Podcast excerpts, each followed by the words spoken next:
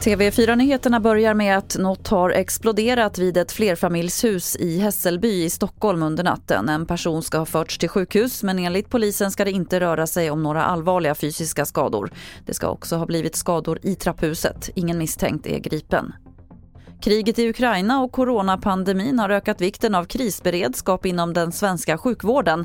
Det kan handla om hur vården organiseras och hur man ska prioritera. Men det är väldigt få av vårdpersonalen som har övat för en kris, något som Vårdförbundet är kritiskt till. Ja, vi ser ju det som ett misslyckande. För det är ju ett krav att vi ska genomgå de här utbildningarna. Det finns ju tydliga instruktioner att vi ska ha den kunskapen och att vi ska värna om att vara fullt medvetna om hur vi ska agera vid krissituationer. Det sa Janni Stjernström som är vice ordförande för Vårdförbundet. Till sist kan vi berätta att en veterinär i Kalmar län har dömts till ett år och åtta månaders fängelse för att ha skrivit ut narkotikaklassad medicin åt sin hund men som hon sen använde själv, det rapporterar Barometern.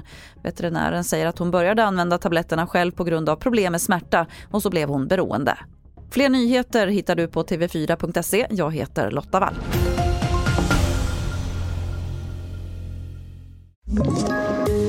Poddtips från Podplay.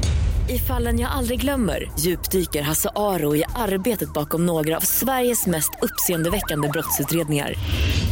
Går vi in med hemlig telefonavlyssning och, och då upplever vi att vi får en total förändring av hans beteende. Vad är det som händer nu? Vem är det som läcker? Och så säger han att jag är kriminell, jag har varit kriminell i hela mitt liv men att mörda ett barn, där går min gräns. Nya säsongen av Fallen jag aldrig glömmer på Podplay.